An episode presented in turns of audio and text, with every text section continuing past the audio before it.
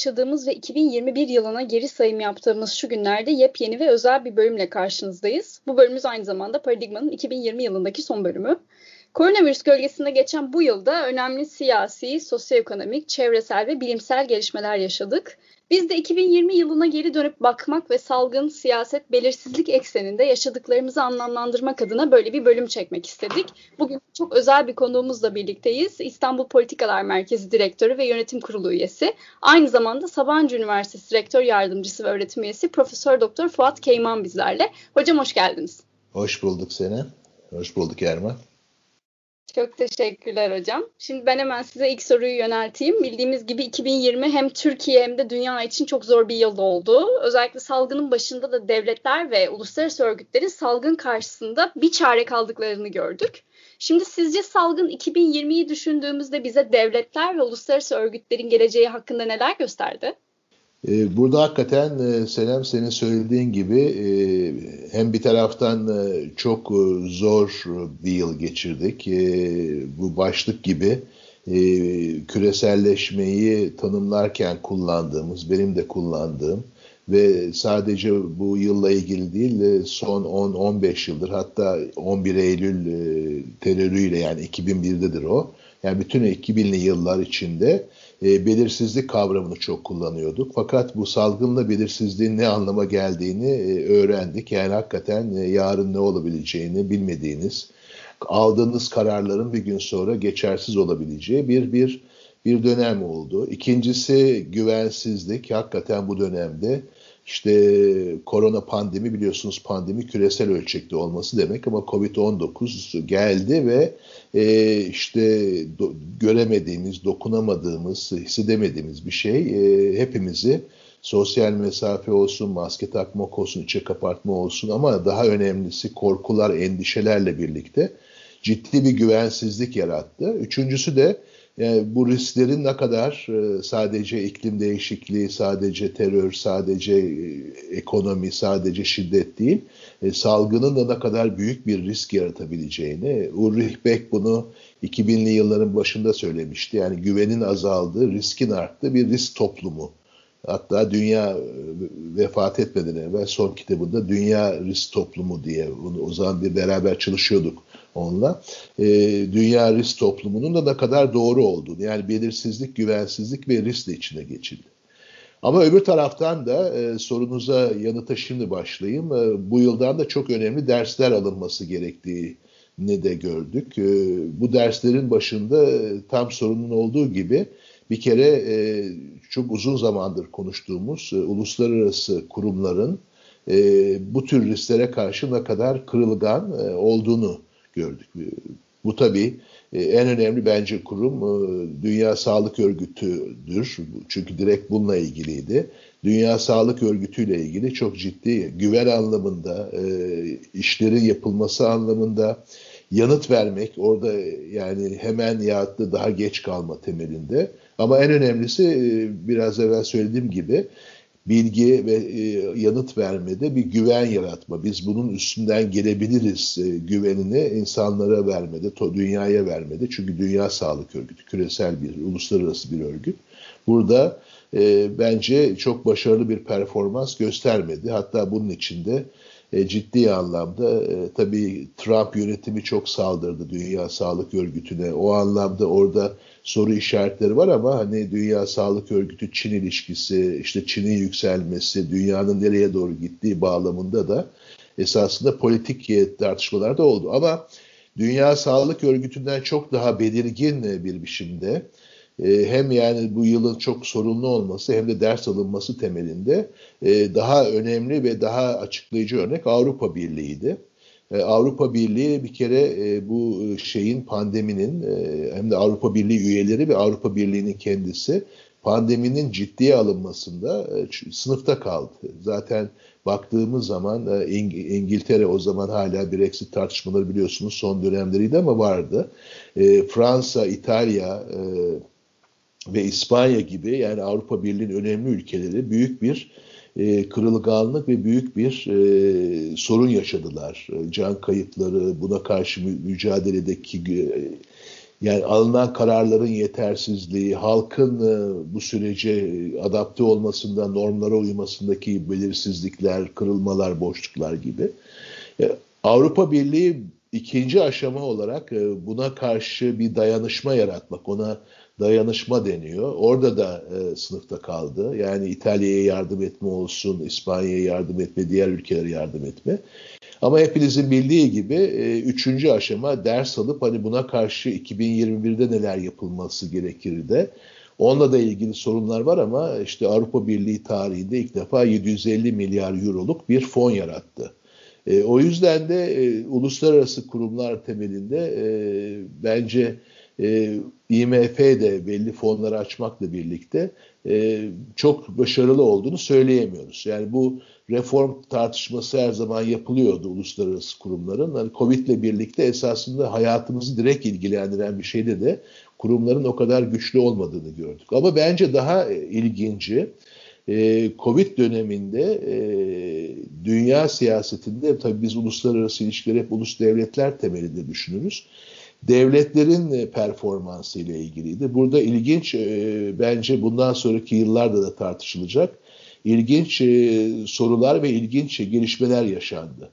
Bunlardan en önemlisi işte dünya hegemonu, hani hegemonyasında belli zayıflama olsa bile e, hala dünyanın en önemli ve en güçlü ülkeleri Amerika'nın e, sınıfta kalması. Hatta sağlık alanında çökmüş devlet üzerine bile e, yani o bu kavramı ben mesela kendim çalışmalarımda Suriye ile e, Irak'la, Libya ile, Yemen gibi ülkelerle ilgili kullanıyoruz. E, çünkü çökmüş devlet ülke içindeki süreçleri de kontrol etmede, sınırları kontrol etmede zayıf ülkede anlamına geliyor.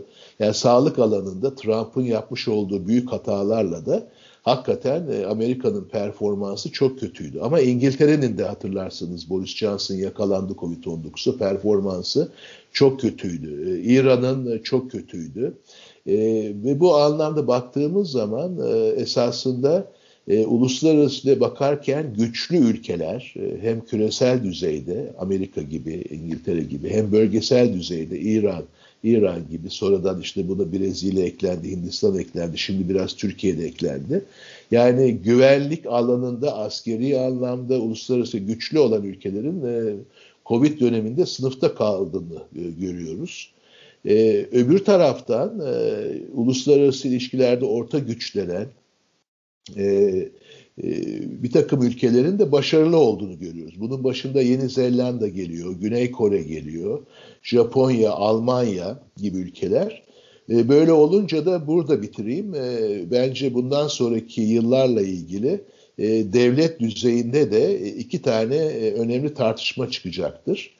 2021 yılında bu daha da giderek önem kazanacaktır. Bundan sonraki sorularda da buna biraz değineceğim. Bunlardan bir tanesi biz hep uluslararası ilişkileri devlet egemenliği ve devlet güvenliği ve devlet iktidarı temelinde düşünüyoruz. Bu, bu güç, bu ülkeler kendilerine e, işte Amerika olsun, İngiltere olsun, İran olsun, Türkiye olsun. Yani bunlar hep böyle bir devlet egemenliği, güçlü devlet temelinde konuşan ülkeler. Fakat bu, bu, bu devletlerin ne kadar zayıf olduğunu gördük e, Covid-19'da mücadelede. Buna karşın e, devlet egemenliği, devlet iktidarı temelinde kendilerini çok güçlü göstermeyen, e, güçlü devletler arasında güvenlik temelinde, iktidar temelinde sınıflanmalara çok girmeyen, e, örneğin e, Yeni Zelanda, örneğin Kore, Japonya, Almanya gibi ülkelerde de başarı gördük. Şimdi burada da tabii baktığımız zaman devletin e, toplumla ilişkisinde bir kere sağlık alanında çok güçlü olduğunu gördük. İkincisi toplumla ilişkisinde güven yaratma, normlara uyum gösterme ki buna biz İngilizce social cohesion, Türkçe'de sosyal uyum diyoruz. Burada da güçlü olduğunu gördük. E, halbuki öbür ülkelerde Türkiye olsun, e, e, İngiltere olsun, özellikle Amerika tabii altını çizerek e, İran olsun müthiş bir kutuplaşma sorunu olduğunu gördük. E, öyle olunca e, burada ben kendi Covid-19 dönemiyle ilgili yazdığım yazılarda da kullandığım hem İngilizce hem Türkçe olarak devlet kapasitesi diye bir kavram var. Esasında e, bu ekonomiyle ilgili kullanılan bir kavram. E, devlet egemenliği, devlet kapasitesi ya da devlet iktidarı, devlet kapasitesi ayrımında e, esasında Covid-19 gibi salgınların, e, iklim değişikliği gibi, ekonomi gibi süreçlerde e, belki siz e, güvenlik anlamında, askeri anlamda, e, egemenlik temelinde çok kendinizi koruyucu ve kendinizi çok iddialı bir pozisyona sokabilirsiniz ama sağlık alanında başarısızsanız, iklim değişikliği, ekonomi alanında kurumlar olarak başarırsanız, yani kapasiteniz azsa işte böyle bir durumda yenilebilirsiniz. Amerika örneği bunu gösterdi. Ee, öyle olunca da e, burada bir devlet egemenliği, devlet kapasitesi ayrımı ortaya çıktı. Ve böyle olduğu zaman da e, şöyle bitireyim. Covid-19 hatırlarsınız başında e, devletlere geri dönüş e, diye bir şey çıkmıştı. Yani devletin geri gelmesi, devlete geri dönüş diye. E, fakat 2020 ve 21 yılında e, esasında sadece sağlık değil ekonomi olsun, iklim değişikliği olsun, e, temel ihtiyaçlar olsun. Yani suyla ilgili, gıdayla ilgili, işte şu anda aşıyı konuşuyoruz, aşı tedariki falan. Tüm bunlarla ilgili esasında yani devlete dönüyoruz ama nasıl bir devlete dönmemiz lazım? Nasıl bir devleti düş olacak ki o başarılı olsun? Yani bu kapasite, egemenlik, farklı kavramlar kullanılabilir ama e, esasında yani böyle devlete geri dönüş böyle bir hemen kabul edilecek bir şey değil. Benim e, konuşmalarımda ve yazılımımda başlangıç noktam olan devlete dönüyoruz ama nasıl bir devlete döneceğiz? Yani kapasitesi olan mı yoksa e, askeri anlamda güçlü olan mı gibi böyle bir tartışma çıkacaktır. Hem uluslararası örgütler hem de devletle küreselleşme ilişkisi içinde. Çok teşekkürler hocam. Aslında tam da ikinci sorumuza geçmek üzere bir noktada bıraktınız. Buradan çünkü sizin çalışma alanlarınız olan uzun yıllar akademik yazına katkıda bulunduğunuz özellikle siz de belirttiniz demokrasi, kentleşme, yönetişim, küreselleşme, neoliberalizm bu gibi kavramların kesiştiği yerlerde özellikle akademik yazına uzun yıllar katkılar verdiniz ve hala veriyorsunuz. Peki geride bıraktığımız 2020 senesinde ilk sorunun da devamı olarak bu kavramlara dair sizce neler öğrendik? Bir kere e, şunu öğrendik. E, demokrasi, e, tabii bunu daha önce de söylüyorduk. Sadece norm olarak, sadece ahlaki, kavramsal düzeyde tercih edilecek bir şey değil. Yani siyaset bilimine giriş derslerinde kullanılır. Hani demokrasinin sorunları vardır ama otoriter ve e, totaliter yapılardan daha iyidir gibi.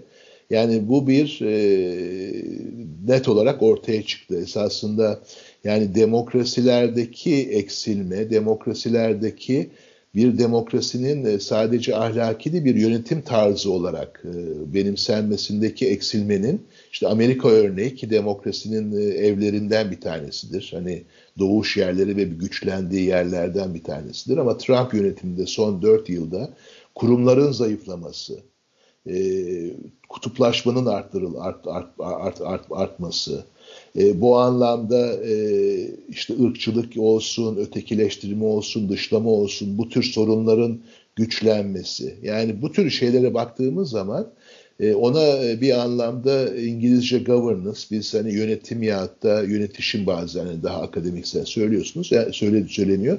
Bu anlamda yani demokrasi yönetim ilişkisinin ne kadar önemli olduğu ortaya ortaya ortaya çıktı.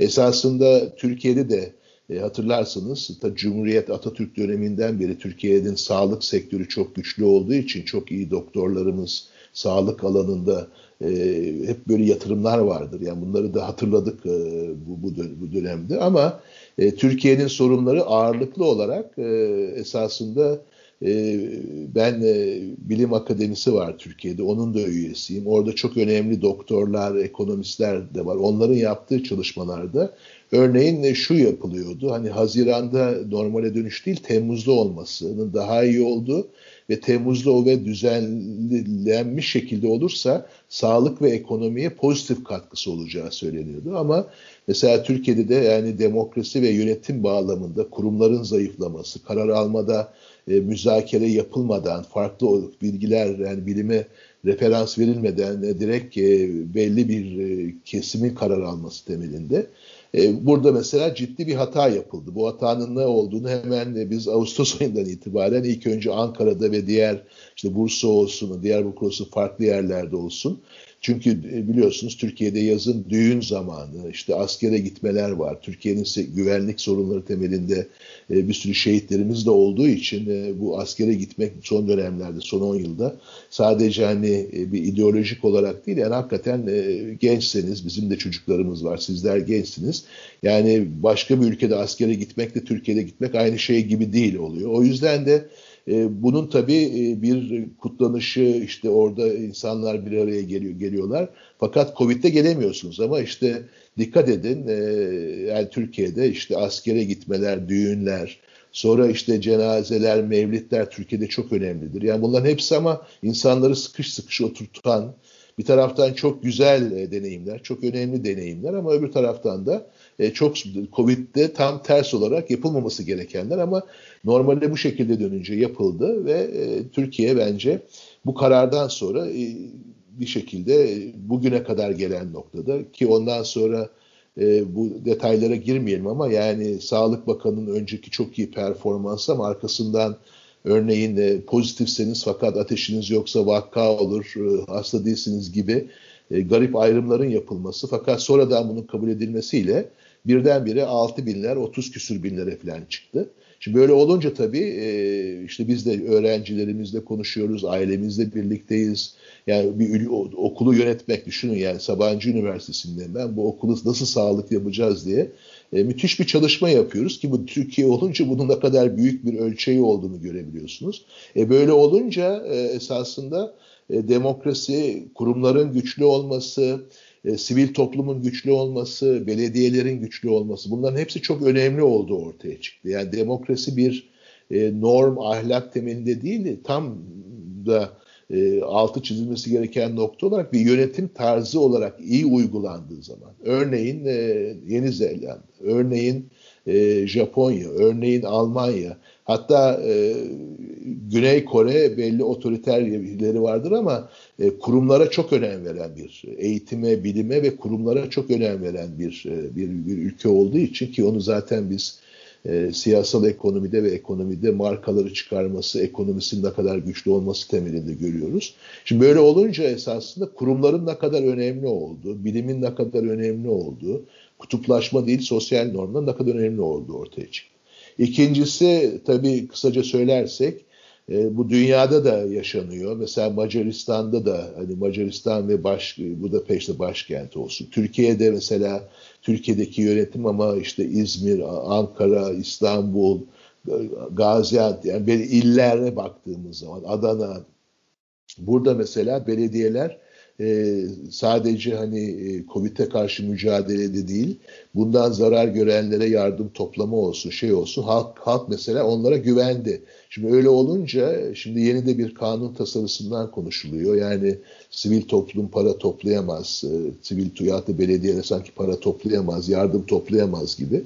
Tabii ki terörle ilişkili olduğu zaman olmaması gerekir ama bunu çok genel koyduğunuz zaman esasında toplumla e, devlet arasındaki bağda çok önemli olan sivil toplum ve belediyeleri ortadan kaldırınca e, normlara uymak, e, birlikte olmak, e, uyum göstermekten daha çok kutuplaşmaya, içe kapanmaya, işte korkuların artmasına e, doğru doğru gidiyor. O yüzden 2020 yılı e, bence e, bir e, yani devletin yönetiminde kapsayıcı mı değil mi? Bu çok önemli oldu. Yani inclusiveness diyoruz biz buna. Tabii kapsayıcılık aynı zamanda senden farklı olan örgütlerle işbirliğe girmek. Yani belediyeler, sivil toplum örgütleri. Orada da kapsayıcı olmak lazım. Yani benim sivil toplumum değil, yani Türkiye'de çalışan, bu konuda çalışan sivil toplum örgütleri.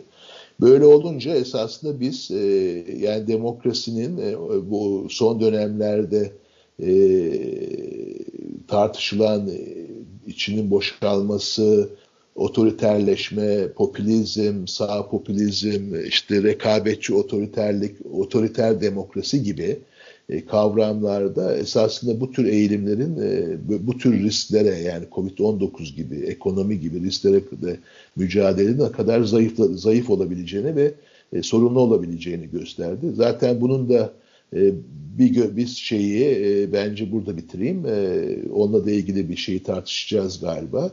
E, ben e, bu yılın başında e, Amerika'daydım. Üç hafta toplantılara katıldım, konuşmalar yaptım. Mesela bu, bu yılın başında Ocak ayında Amerika'da tabii ki seçimler süreci de başlamıştı. Kasım ayında seçim olacaktı. Yani Trump'ın kazanmasına kesin gözüyle bakılıyordu.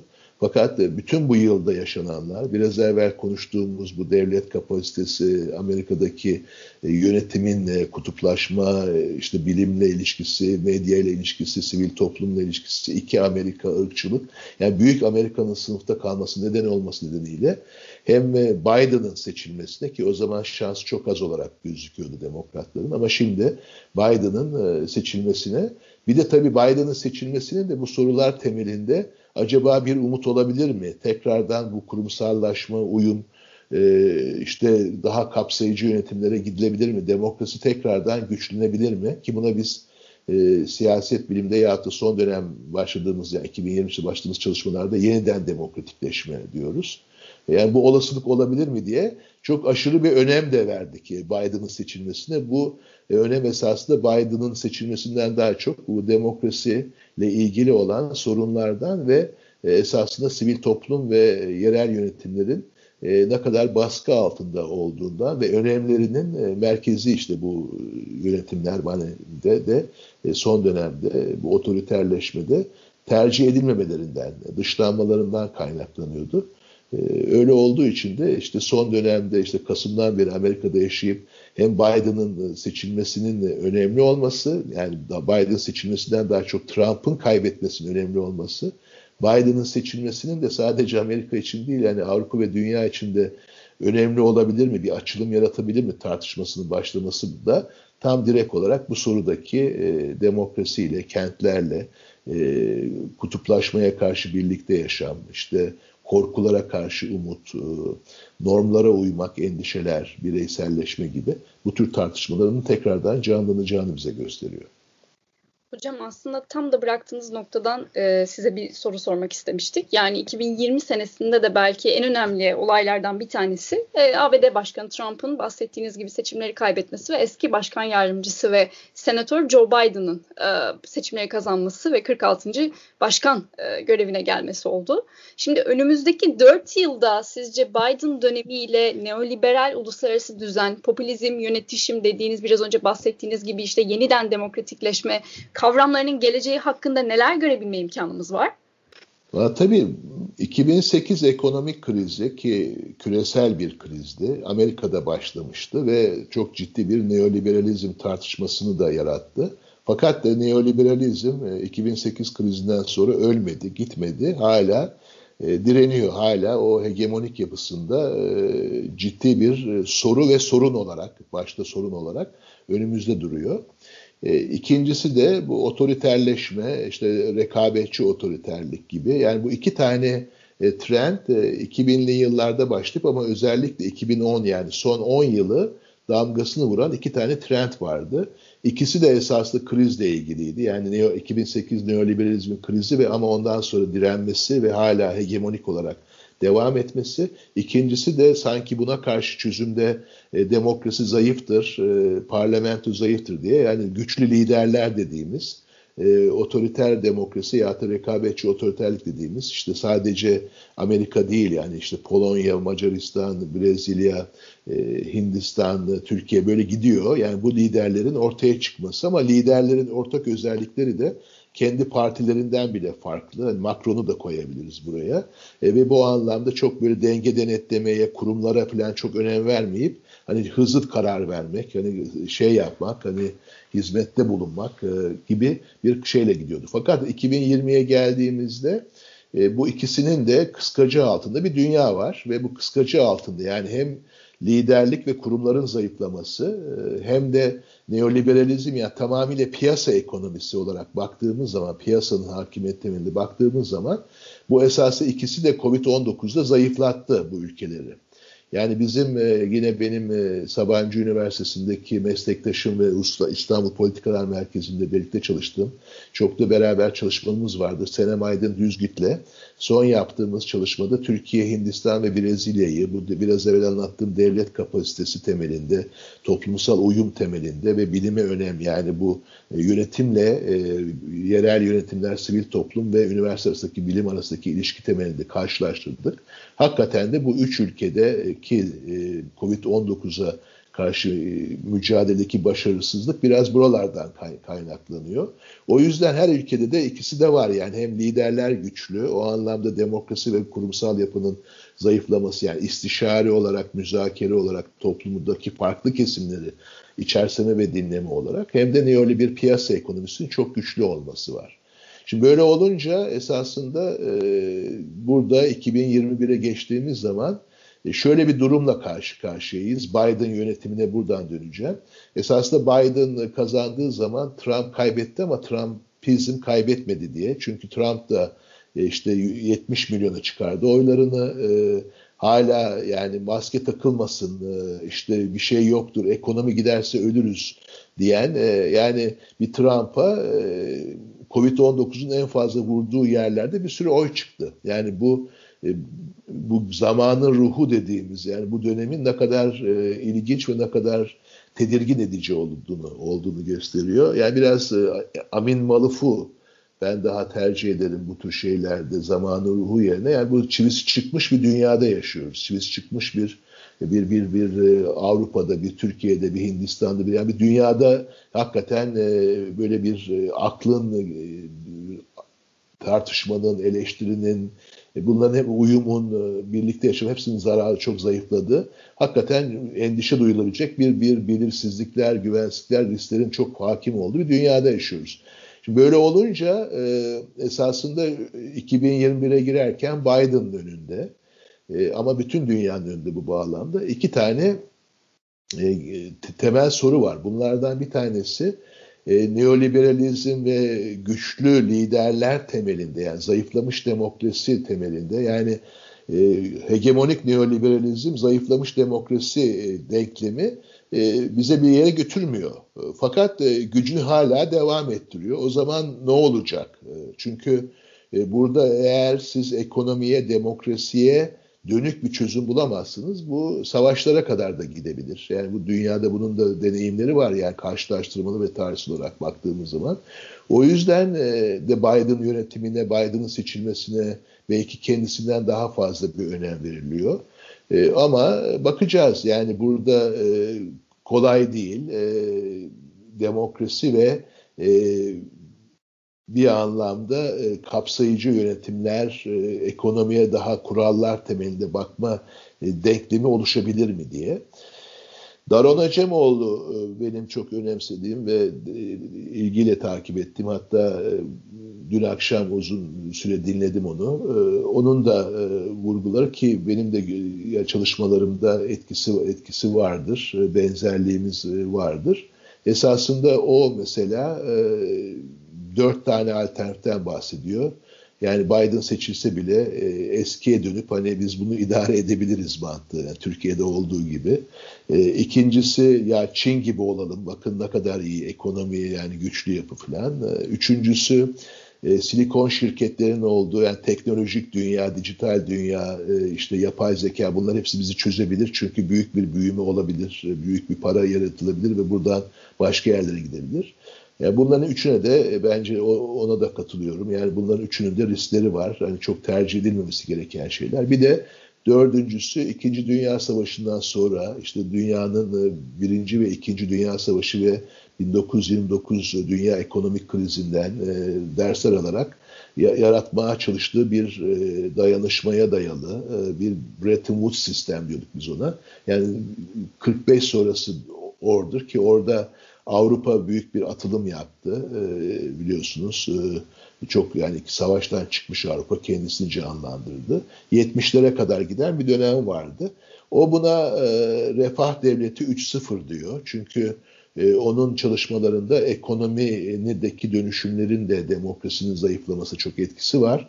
Orada o üç tane yani bu işsizlik ve ekonomi yani bu iş gücü şeyi, ikincisi üretkenlik, productivity dediğimiz, üçüncüsü demokrasi. Orada esasında e, devletlerin biraz daha kapasite temelinde güçlendiği, kurumları güçlendirdiği, demokrasi yani bir daha iyi bir demokrasiye olması gerekiyor. Yani kurumsal anlamda, governance yani yönetim anlamında. İkincisi daha düz, daha iyi bir düzenleme olması lazım. Yani iş yaratılması.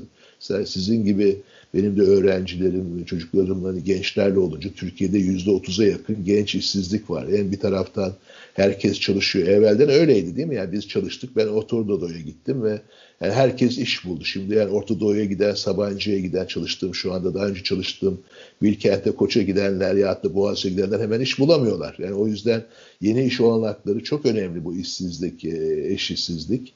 E, ve tabii teknolojiyle daha düzgün yapmak, daha düzen, düzen, düzenli yapmak.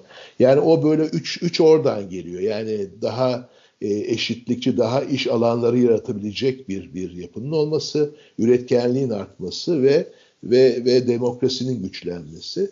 Orada da çok önemli bir noktanın ben de her zaman bunu biraz evvelki soruda da e, o anlamdaki çalışmalarımda da vurgularım. Yani devletin, e, hükümetin belli alanlara girmesi, e, yani devletin daha güçlü olması, toplumun otomatik olarak zayıf olacağı, insanların zayıf olacağı, özgürlüklerin kapanacağı anlamına gelmiyor. Yani hem devlet hem toplum güçlü olabilir. Ki burada yani işte İskandinavya ülkeleri buna biraz e, önemli İkinci Dünya Savaşı sonrası deneyimlerinde önemli şeylerdir. Yani o yüzden hani e, o mesela Darren Hocamoğlu e, güzel bir metaforla Hayek'e referans veriyor ki Hayek e, neoliberal yapıların, piyasa ekonomilerin çıkışında yani çok önemli bir düşünürdür ki o bile herhalde yaşasaydı bugün Darren Hocamoğlu'na yakın bir takım şeyleri de söyleyebilirdi ama Hayek'in en büyük e, hep e, işte bu e, neoliberal dediğimiz, liberal görüşlü dediğimiz insanların hep referans vermesinin nedeni o şunu söylüyordu. Devlet güçlenirse toplum zayıflar. Halbuki hem devletin güçlü hem toplumun güçlü olduğu, hani bu da güçlü derken hani iktidar anlamında değil. Yani sorunlara çözüm bulma anlamında, birlikte çalışma anlamında, kapasite anlamında bu olasılık var. O yüzden de e, mesela demokraside e, son dönemlerde kurumların zayıflaması, yerel yönetimlerin bazılarının dışlanması, sivil toplumun dışlanması e, yani toplumu zayıflatmak e, ülkelerin işine çok gelmiyor esas sorun çözemiyor. O yüzden Trump kaybetti. Yani o yüzden de işte bu Trump sorusuna yanıt verdiğim gibi Biden'ın kazanmasına fazla bir e, anlam da yüklendi. Çünkü böyle bir süreçten geçiyoruz. O yüzden e, belki de bir ihtimal olarak e, bu Covid-19'da ilk sorumuza dönerek yanıt vereyim ve Güney Kore, Japonya, Almanya, Yeni Zelanda gibi ülkelerden de dersler alaraktan belki daha yani devlete geri dönecek ama o devlete geri dönüş kutuplaşma, e, zayıf toplum değil tam tersine sosyal uyum, e, güçlü sivil toplum, güçlü belediyeler, güçlü kentlerle birlikte olacak. Buraya doğru gidilirse zor. Tabii yani bunlar hani akademik olarak e, söylemesi kolay uygulamaya sokulması zor. Çünkü her zaman biz bir e, Machiavelli'den bu yana bir iktidar e, güç ve o, onun da önemli olduğu bir dünyada yaşıyoruz. E, yani bir e, ahlaka, e, bir erdeme dönük bir dünya değil de iktidara dönük bir toplumdur biliyorsunuz modern toplum, güce dayalı bir toplumdur. Öyle olunca da tabii zor ama e, bunu da söylemek lazım. Yani e, 2021 ve sonrası tartışmalarda e, var olan yapılar da devam edebilir. Güvenlik alanları da e, önemli olacaktır tabii ki. Yani işte bu son dönemde yaşadığımız Doğu Akdeniz olsun, e, Azerbaycan'ı, Ermenistan olsun, Suriye olsun, diğerleri olsun ama yani burada bir e, ekonominin, e, güvenliğin, e, insan da e, kaygılar, endişeler, korkular yaratan sorunların COVID-19 gibi hep iç içe geçti. İklim değişikliği gibi, işsizlik gibi. Bunlara çözüm bulmada bence e, devlet kapasitesi, e, kapsayıcılık, güçlü devlet, güçlü toplum denklemi kapasite temelinde ve kapsayıcılık temelinde o tercihe gidilirse o zaman daha farklı bir yapıya doğru gidebilir. İşte Biden'dan da beklenen bu olduğu için E, tabii ki şüphelerim var benim. Yani çok orada gerçekçi olmamız lazım ama e, böyle bir e, döneme girdik ve burada Covid-19 e, neden değil e, tetikleyici ve çok böyle her şeyi masanın üzerine koyucu ve çok açık bir hale getirici e, etkisi temelinde önemli oldu. Çok teşekkür ederiz Sayın Hocam. Çok aslında önemli noktalara temas ettiniz. Gelecek yıl için aslında izlememiz gereken noktaları tek tek sıraladınız. Buradan aslında son sorumuza gelirsek siz aslında e, yaptığımız söyleşi boyunca Türkiye'ye değindiniz ama son soruda Türkiye'yi biraz daha geniş çerçeveden ele alırsak bu sene özellikle Türkiye'de bakan istifaları, ekonomi tartışmaları, veri şeffaflığı sizin de önceden belirttiğiniz gibi özellikle korona sürecinde yönetişim, başkanlık, güçlendirilmiş parlamenter sistem gibi pek çok tartışmaya yine sahne oldu. Buradan yola çıkarak sizce Türkiye salgın süresince neler öğrendi? Bir de buradan aslında belki gelecek senelere dair Türkiye neler öğrenmeli ve uygulamalı? Ama tabii ki yani biraz evvel söylediklerim içinde Türkiye'de yani bu ülkede yaşıyoruz. Tabii Türkiye bizim için çok önemli. Türkiye'nin e, faydası için e, kafa yoruyoruz. Bu dönem yani Ocak ayından başlayıp ama esas Mart'tan başlayıp e, işte bu yılı bitiriyoruz. Aralığın sonundayız. Yani bu son 10 aya baktığımız zaman biraz evvel söylediğim gibi bu Türkiye'yi neoliberalizm hegemonyası dediğimiz yani piyasanın hegemonyası ki o işte yatırımlar, hizmetler, köprüler, kanallar hep böyle şekilde konuşuluyor. Ekonomik büyümeler gibi. E, bir kere e, neoliberalizmle e, işte demokrasinin zayıflaması, partilerin zayıflaması, gücün yoğunlaşması, başkanlık sistemi gibi tam da dizaynında da bir anlaşmaya varılamamış. Yani bu iki kıskaçtan çıkarmamız gerekiyor. Çünkü bu kıskaçta olunca e, bence Türkiye e, ilk başta onun altını çizeyim yani Cumhuriyet dönemi, Atatürk döneminden beri e, kapasite olarak, e, eğitim olarak yani sizler öğrenciler olarak biliyorsunuz değil mi? Birinci tıptır yani ikinci hukuktur şimdi üçüncü psikoloji gibi olmaya başlıyor yani mühendislerin yanında ama yani tıp her zaman e, Türkiye doktorları çok önemlidir. Türkiye sağlık sektörü çok önemlidir. Hastaneler e, daha evvelden biraz hani kirli gibi gözüküyordu ama doktorlar çok güçlüdür. Yani ben mesela Ankara'dan İstanbul'a gelmişim. Ankara'da Hacettepe Hastanesi, İbn, İbn Sina, bunlar hepsi şeydir yani numune falan ve çok önemli doktorların olduğu. İşte bizim de yaşımızda olan e, şimdi artık yani şey olarak geliyor ya da bizim e, daha biraz büyüklerimiz hani e, büyüklerin böyle böyle bir büyük bir sağlık sektörü vardır. Bence o anlamda Türkiye Covid-19'a bugüne kadar dayanmadı ama tabii ki e, büyükse orada şeyler de yaptık. Kayıplarımız da var sağlık sağlık sektöründe e, bu alanda. E, baktığımız zaman bir kere e, gel başlangıç noktası da bugün geldiğimiz işte aşıyla olan ilgiyle yani aşı gelecek mi gelmeyecek mi niye biz alamıyoruz? Burada esasında çok net söyleyelim hani Türkiye'nin ekonomik krizleri bu noktaya geldiği için biz yani mesela Almanya ile diğer yerlerden aşı almada daha sorunlar yaşıyor, yaşıyor, yaşıyoruz. Yani bu, bu bir siyasal ekonomik bir yapı. O yüzden bir kere Türkiye'de e, bu demokrasinin kurumların zayıflaması ve piyasanın çok hakim olması ki orada bir e, şey var yani sadece demokrasiyle ilgili değil yönetimle ilgili bir sorun oldu ki son dönemde işte Berat Albayrak'ın istifa etmesi, Merkez Bankası'nın otonomisiyle ilgili tekrardan hani e, otonom olması gerekir gibi ki bütün yıl boyunca öyle bir şey yoktu. Tam tersi vardı. Ve Türkiye yani hiç tarihinde olmamış yani dünyada da olmayan Merkez Bankası e, yöneticileri çok uzun zamanlı olmak durumundadır. Yani iki tanesi arka arkaya gitmiş gitmiş oldu. Yani kurumların zayıflaması diyoruz biz buna. Denge denetleme ediyoruz. E, yani bu anlamda hukuka karşı güvensizlik, kurumların zayıflaması, e, neoliberal bu, bu kıskaç esasında bizim Türkiye'de bugün ciddi bir yani sorunlar ve, ve, ve, ve kriz ortamı içinde olduğumuzu gösterdi. Bu bir kriz Ama aynı zamanda e, tabii ki yani bu bu şekilde çözülmeyecek ciddi bir işsizlik sorunu da yaratıyor. yaratıyor. Yani üretimde çok büyük bir kalitesizlik var. Yani yeni işlerin olması e, tek tük yani bizim öğrencilerimiz ya da benim çalıştığım yani İstanbul Politikalar Merkezi ya da yeni alanlar olsun yani yeni işte yenilebilir enerji falan gibi. Yani ama o kadar güçlü bir şekilde bu yeni iş alanları da yaratılamıyor. O yüzden hani e, Daron Hocam olmadan dersek hem demokraside hem üretkenlikte hem iş alanı yaratmada ciddi sorunlar yaşadığı için Türkiye.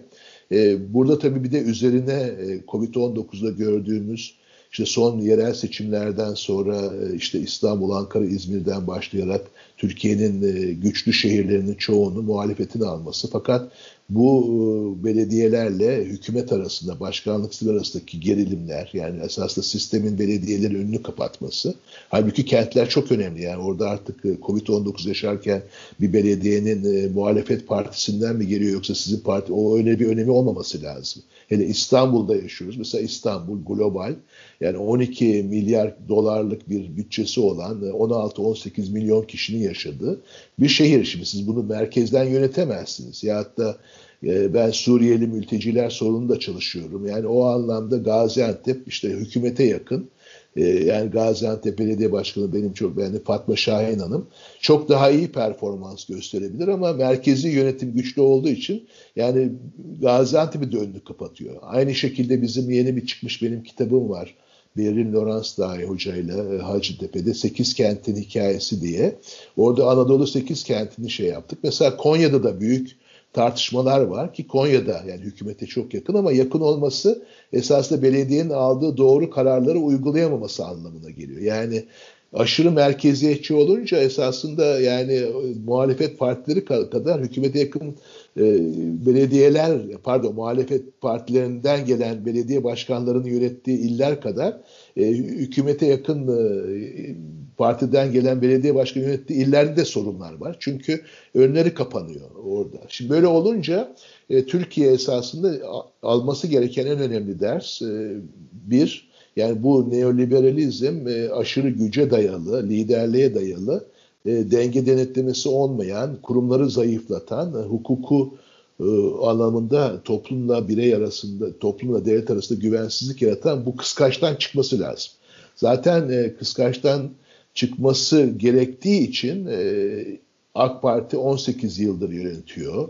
E, işte 2010 yılından itibaren de yavaş yavaş biz esasında bu başkanlık sistemi şeylerine gidip 2013'te e, gezi e, süreciyle birlikte bir tamamıyla içe kapanma, kutuplaşma e, dönemine girdik. Yani ondan sonra işte 15 Temmuz darbe girişimi oldu. Böyle felaket olaylar, Hendek Savaşı bu bütün şeyler o oldu ama e, bugün gelinen noktada e, akademik olarak baktığınız zaman e, 2018 yılını ben dönüm noktası alırım.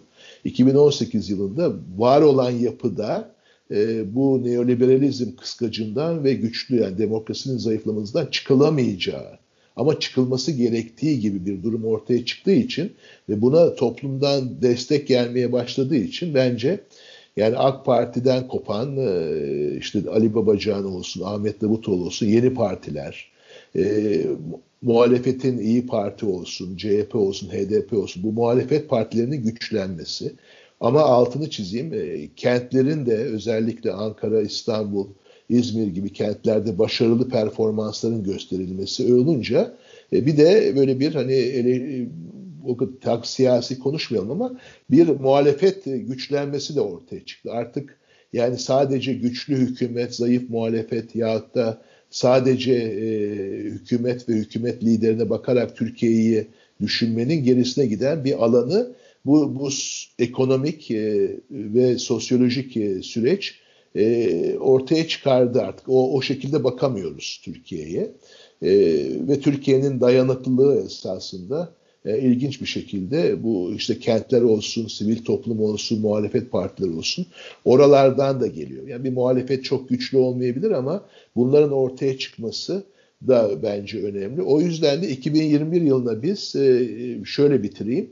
Yani bir taraftan e, var olan yapının e, yani Cumhurbaşkanlığı hükümet sistemi yahut da yürütmenin gücüne dayalı e, sistemin Türkiye'yi neoliberal hegemonya ve demokrasiden zayıflaması kıskacından çıkaramayacağı, e, bununla ilgili kararları alma, almadı ya da yani alamayacağı ama e, muhalefetin bu anlamda e, hem partiler hem e, yerel yönetimler temelinde ortaya çıktı, sivil toplumun canlandı. E, fakat bunun da çok kuvvetli olmadığı bir e, şekilde giriyoruz. E, bu tartışmalar bence e, işte siyasi anlamda erken seçim olacak mı olmayacak mı gibi yapılara doğru gidecektir ama e, akademik olarak da tabii bunlar yanıtlanabilir ama esas temel soru Türkiye'nin bence e, yine e, belki de Daron Acemoğlu'na referanslı ve bu ilk üç soruya yanıtlı söylediklerime göre e, yanıtlayayım. Temel soru e, Covid-19'un da çok artık e, öne çıkardığı, çok açık olarak masanın üzerine koyduğu ama daha önce iklim değişikliği, 2008 ekonomik krizi, işsizlik, terör, e, çökmüş devletler, bütün bu çalkantılar içinde e, acaba nasıl olacak da biz Türkiye'yi, tabii onun reçetelerini biliyoruz e, ama yani nasıl olacaktı bu neoliberal e, hegemonya ve lidere dayalı e, demokrasiden kopuk bu popülizm dediğimiz ya da rekabetçi e, otoriterlik dediğimiz bu yapıdan çıkartacağız. Çünkü bu yapının e, Covid-19 bence önemli bir teste oldu. Bu yapının e, sadece sağlık değil yani ekonomi yani dünyanın gidişatı içinde ona ben bir üçgen kuruyorum öyle bitireyim. Yani sağlık, ekonomi ve temel ihtiyaçlar yani gıda, su, e, toprak, e, e, işte şimdi aşı yani bu anlamda yani bütün temel ihtiyaçlar temelinde bir yanıt olmadığı ortaya çıktı. Fakat e, yanıt olanların da güçlenebileceği mi yoksa doğru olana mı gideceği e, tam bilmiyoruz. Yani doğruna gitmek de kolay değil çünkü e, başta yönetenleri kendi güçlerinden, iktidarlarından biraz vazgeçmeleri, e, değil mi? Yani çünkü kapsayıcı olmak demek, birlikte yaşamak demek, e, toplumsal güçlendirmek demek, güçten biraz vazgeçmeyi gerektiriyor. Onu da tabii ki güce sahip olanlar kolay kolay kabul etmiyorlar. Öyle olduğu için bir anlamda böyle bir bir kavşak noktasında e, belki de e, hani doğru kararlarını alıp e, işsizlik, e, üretkenlik ve demokraside adımların atılabileceği bir dünya da olabilir. E, ama bu adımlar atılmazsa e, kimlik, e, iç savaşlar, terör, e, çatışmalar oralara doğru gidip e, kutuplaşma e, çok daha vahim yerlere doğru da gidebilecek bir dünya da olabilir. O yüzden öyle yani bu sizin şeyiniz bugünkü e, konuşmamızın başlığı olan belirsizlik e, halinde nasıl yöneteceğimiz sorusu temel soru olarak 2021'de de önümüzde olacak. Ama 2020'nin e, başından daha iyi durumdayız. Çünkü 2020'yi yaşadık ve bu belirsizliğin ne anlama geldiğini gördüğümüz için ve bunu karşılaştırmalı olarak gördüğümüz için ve bunu bir terör olarak bir ekonomik kriz olarak değil hepimizi ilgilendiren bir sağlık krizi yani bir bir Covid-19 bir korona pandemisi içinde gördüğümüz için e, ders alacak mıyız almayacak mıyız e, temel soru bu esasında. Fuat Hocam katılımınız için çok teşekkür ederiz gerçekten. Ben teşekkür ederim. Çok e, güzel bir oturum oldu. Sizin de belirttiğiniz hususları aslında 2020'yi anlamlandırmak için kullandık ve dinleyicilerimiz de aslında çok faydalanacaktır. Ve paradigmayı da e, bu şekilde 2020 yılını noktalamış oluyoruz aslında sizinle evet. beraber. E, o yüzden size tekrar teşekkür ediyorum. Ben teşekkür ederim. Seneme de Erman sana da. E, tabii yani burada önemli olan e, sağlık. E, ama sadece yani fiziki anlamda işte Covid-19'a karşı korunaklı olmak değil, maske takmak, mesafe değil bu 2020'de psikolojinin de ne kadar önemli olduğunu gördük. E, o yüzden de yani her türlü e, sağlıklı kalalım. E, sağlıklı, mutlu bir yıl dileyim ben de size ve sizin e, dinleyen arkadaşlarımıza. Çok teşekkürler hocam. Biz de bu dileklerle bütün dinleyicilerimize başta size ve bu sene bize destek olan sizinle birlikte tüm hocalarımıza, tüm arkadaşlarımıza, tüm dinleyicilerimize e, sizin de aslında gıyabınıza çok teşekkür edelim. Ve sizin dileklerinize de katılarak biz de umarız 2021 yılında artık toplum olarak, dünya olarak sağlıklı, mutlu ve huzurlu yarınlara kucak açabiliriz. Bunları özlemle aslında arıyoruz, bekliyoruz. O yüzden çok teşekkürler hocam tekrardan. Ben Sağ teşekkür olun. ederim. Sevgiler. Hoşçakalın hocam. Sağ olun.